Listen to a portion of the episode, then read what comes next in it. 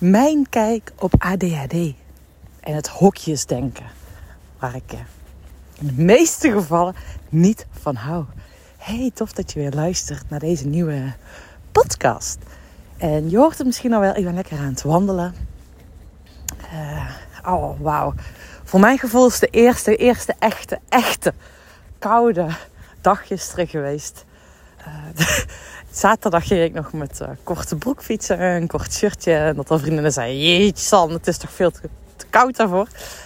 dat was prima te doen. En gisteren moest ik echt beenstukken aan. Ik had een overbroek aan. Het had ook net geregend, regenjas aan. dacht ik, oh ja, dit is volgens mij de shift ineens van temperatuur. En vanochtend, ik doe altijd op maandagochtend kwart over zes begeleid ik een check-in voor mijn klanten. Uh, en dat is de ene keer een meditatie, andere keer een visualisatie, andere keer een beweegoefening. Het is ja, gewoon wat er op dat moment doorkomt, hoe je echt aan de slag kan gaan. Doe je wandelend hoofd. Hallo, energie in mijn lijf. Dat is het basisthema ervan. En daarna had ik even speeltijd met Nora. En maandag is mijn vriend altijd thuis. Dus uh, ik kon er eigenlijk al vrij snel weer gaan werken. Maar, vrij snel, het is nu kwart over acht ochtends. I love it. Gewoon vroege ochtenden in de ochtend te werken. Ik keek naar buiten en bij ons hebben een hele diepe tuin. Ik zag al zo die mist in de tuin. En over de landerijen erachter, over de weilanden. Dat ik echt dacht, wauw, het is zo fantastisch mooi. Dus ik dacht, ik moet eerst gewoon gaan wandelen. En ik zie nu, as we speak, als ik naar rechts kijk, uh, wandel ik. Ik wandel sowieso over een pad. Aan de ene kant nog mais. Maar dat is trouwens wel vet. Is uh, suikermais, gewoon voor menselijke consumptie. Aan de linkerkant. En aan de rechterkant zie ik het riet. Kijk over de weilanden heen. Zie ik een uh, reiger vliegen. De zonsopkomst. Ik zie hier de dauw echt op het gras staan. Ik zie van die licht, ja, flitsen wil ik bijna zeggen. Van de vliegtuigen. Zo'n mooie oranje, roze lucht. Het is echt prachtig. Dus ik ben zo blij dat ik nu eerste tijd neem om te wandelen in plaats van te werken. Nou, werken zie ik sowieso niet als werk. Uh, om te creëren. En uh, nou, misschien is het ook wel werk als ik een podcast aan het opnemen ben. Maar dat terzijde. um, maar waar ik het over wilde hebben. Ik draaide hier net de hoek om van dit pad. En toen had ik een uh, telefoongesprek een tijdje geleden gehad. En op een of andere manier gebeurt het bij mij. Als ik dan op bepaalde plekken ben, dan herinnert mij dat ook aan de gesprekken die ik op dat moment heb gehad. Um, dus nou, dan kom ik ineens weer terug in de tijd. En nou, besefte ik over het stukje telefoongesprek dat ik met een uh, potentieel klant had. Uh, over dat zij gelabeld was met ADHD. En ik kom laatst tijd heel veel mensen tegen die ADHD hebben. Die, nou, ik geloof er niet eens dat je dat hebt, maar ja, die dat label opgeplakt hebben gekregen. En ik voelde net, ik denk, oh ja, hier wil ik gewoon een podcast over opnemen. Over het label ADHD. En hoe ik er tegenaan kijk. En weet je, het is puur mijn visie, mijn perceptie. Ik wil bij jou een zaadje planten. Hoe kijk jij er tegenaan? Ook een stukje mijn ervaring. Ik heb het uh, label niet opgeplakt gekregen. In die zin, mijn ouders hebben vroeger geen onderzoeken gedaan. En ik ben daar echt heel, heel blij om dat ze dat niet, nooit hebben gedaan. Want, nou ja, als je mij een beetje kent. Oh wauw, dit is echt heel mooi. Het is echt zo prachtig. Ik draai nu, kom nu bij het water uit. En ja, de mist over het water. Het is echt, wauw, cadeautje om zo de dag te beginnen. Oh, geniet even met mij mee. De zon staat alweer wat hoger en echt mist over het water, het rieten vogels. Nou, wauw. Als mijn ouders mij vroeger een, uh, een onderzoek hadden laten doen, dan durf ik mijn hand in het vuur te steken. Dat mij dat label ook is uh, opgeplakt, zou zijn opgepakt. Um, ja, weet je, en, en dat is gelukkig niet gebeurd. En ik was vroeger altijd een meisje, al super veel energie, enthousiast. Uh, nou ja, die uh, liever, uh, ja, mij moesten ze gewoon echt naar buiten sturen, zeg maar, om mijn energie kwijt te kunnen. Um, veel mensen zouden mij ook kunnen, ja, kunnen ervaren als overdreven. En, maar ja, dat is gewoon Sanne. En ik ben zo blij dat mij destijds geen label is opgeplakt. En dat ik ook niet, geen pilletjes heb gehad of wat dan ook. Maar dat ik mocht zijn wie ik ben. En daar gaat het in mijn optiek ook echt over. Kijk, ADHD. Eh, en als je het nog niet weet, misschien weet je het wel, misschien weet je het niet. Maar ik ben, uh, nou, ik wil bijna zeggen, verliefd op het systemisch werk, op de familieopstellingen. Um, en daardoor weet ik, maar heb ik ook een opstelling ervaren, maar ook zelf, dat alle patronen, hoe jij jezelf ontwikkelt als mens, vanuit de onderstroom, onderstroom, ja, vanuit de diepere laag, onbewuste laag, dat die zo, dat je zo gevormd wordt. Je gaat handelen omdat je ouders op een bepaalde manier handelen. En je gaat gezien worden of ja, je wil, het enige behoefte die je hebt is gezien en gehoord worden. En daar ga je alles voor zorgen dat je dat doet. En op het moment dat jouw ouders, wat voor thema's dan ook hebben, zelf niet in die mogelijkheid zijn om met aandacht, echt oprechte aanwezigheid aanwezig te zijn, ja, dan ga je er wel voor zorgen dat jij aanwezig bent, op wat voor manier dan ook.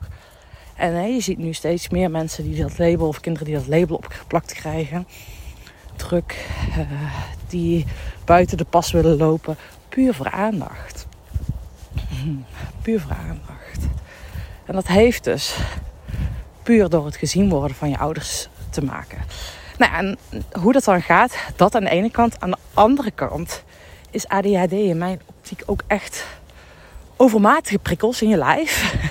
en niet weten wat je daarmee te doen hebt. Nou, tegenwoordig krijgen wij wel heel veel prikkels in ons lijf, in je lijf. En wij worden gewoon niet meer opgevoed, maar ook niet opgevoed, maar ook niet geleerd op school hoe je met die prikkels om moet gaan. Dus in plaats van dat we, nou, dat we leren hoe we met prikkels omgaan, we het maar weg, zetten we onszelf op slot, worden we een wandelend hoofd, gaat er te veel energie in je hoofd rond, waardoor je echt, weet je wel, um, buitensporige energie is. Hè? Want je hebt echt energie, kan je bij mensen zien hè of ervaren van echt energie die belichaamd is, die geland is. En je hebt ook energie die alle kanten uit schiet. Die alle kanten roert, weet je, je gek van wordt. en op het moment dat wij onze kinderen gaan leren: hey, hoe ga jij met die energie om? Hoe ga je met die prikkels om? Hoe verwerk je die? Hoe ga, laat je die door je lichaam heen stromen? In plaats van dat je die in je lichaam laat stromen en dat je er gek van wordt of hyper van wordt. En hoe ga je daarmee om? Dus ook hoe, hoe laat je jouw kinderen met emoties omgaan? Prikkels, emoties omgaan, gevoelens omgaan. En emotions, hè, emotions, emoties in beweging. Dat is echt essentieel dat we die door ons lijf heen laten bewegen. Maar dat hebben we dus heel vaak niet geleerd. Uh, en doordat we dat niet hebben geleerd, uh, vaak zijn uh, mensen met ADHD hoor ik terug ook vaak chaoten zijn, uh, onrustig zijn. Nou, op het moment dat je dus al die prikkels, sensaties in je lijf niet voelt, bijna van de gedistanceerd bent. Oh, dat je er bijna van gedistanceerd bent. Oh. En dan krijg je wel heel veel onrust in je hoofd. Dan word je wel een wandelend hoofd. En in mijn optiek is dus ADHD is gewoon een uitingsvorm waar wij in de westerse maatschappij alles willen begrijpen, is het puur aan de ene kant een logische reactie om jouw plek in te nemen, om gezien te worden binnen jouw systeem van herkomst. En aan de andere kant is het een logisch gevolg van hoe, hoe wij niet hebben geleerd om met prikkels om te gaan. Kom, ken je? Ik uh, wijk nu van het uh, watertje af. En de hond denkt dan altijd: Ik wil hier blijven staan. Ah, nu komt ze terug mee. Groot gelijk heeft ze eigenlijk. Zo'n mooi, uh, mooi plekje om te zijn. en ik wil je uitnodigen van: Hey, hoe is dat bij jou? En hoe kijk jij tegen ADHD aan? Misschien hè, heb je het zelf. Heb je het? Nee, je hebt het niet. Dit is echt een unieke eigenschap eigenlijk. Want ik zie gewoon, als ik bij mezelf kijk die ADHD is gewoon iemand die bruist van de levensenergie, maar niet weet hoe die kan kanaliseren. Hoe die die voor zich kan laten werken in plaats van tegen zich kan laten werken. Hoe die zijn eigen plek in de wereld kan claimen. Dus mijn optiek is ADHD. Echt een, een gave die je hebt. En ik zou je echt heel willen uitnodigen om nog meer in je lijf te zakken. En om jouw levensenergie, die zit, hè, jouw batterij van levensenergie, die zit, bevindt zich in het bekkenbodemgebied. Nou, vaak zijn we helemaal gedissocieerd van ons lijf. Veel mensen kunnen hun lichaam niet eens voelen en zijn er niet eens bewust, van. Die zit leven vooral in zijn hoofd. Maar jouw lijf is jouw enorm krachtige koerskapitein. Dus dat is mijn uitnodiging voor jou. Om eens te zakken. Om ADD, ADHD als levensenergie te gaan zien. En ja, hoe jij die levensenergie door jou heen kan laten stromen. Door je lichaam, ook naar buiten. Zodat je er niet gek van wordt in je hoofd. Waardoor al je hoofd heel erg druk wordt. Maar zodat je het eigenlijk vanuit je hoofd kan zakken in jouw nou, lijf. Nou, dat doe ik dus ook precies met die inchecks. Daar had ik het net over. Doe je wandelend hoofd, hallo energie in je lijf. Hoe je echt kan zakken vanuit je wandelend hoofd naar echt in je lijf. Mocht je nu denken, hé hey Son, ik zou er een keer bij aanwezig willen zijn bij die incheck. Dat kan. Um, je mag altijd vrijblijvend een keertje aanhaken. Iedere maandagochtend kwart over zes. Be my guest. Doe, doe dat maar gewoon. Um, iedere maandagochtend kwart over zes. Uh, ik zie je hoort me nadenken met de us. ik ben de link aan het bedenken wat de link is. Volgens mij is dat sanneverpaas.nl slash inchecks. Kan je jezelf aanmelden, krijg je de link toegestuurd. Mocht dat uh, check hem gewoon eventjes. Ik zoek hem zo even op dat ik hem hier in de omschrijving zet van de podcast. Dus dan weet je zeker dat, ik de goede link, dat je de goede link gaat gebruiken. En dan nog even één ding over jouw plek innemen in het gezin. Het, de systemische kijk. Op het moment dat jouw ouders niet aanwezig zijn, voor wat dan reden dan ook.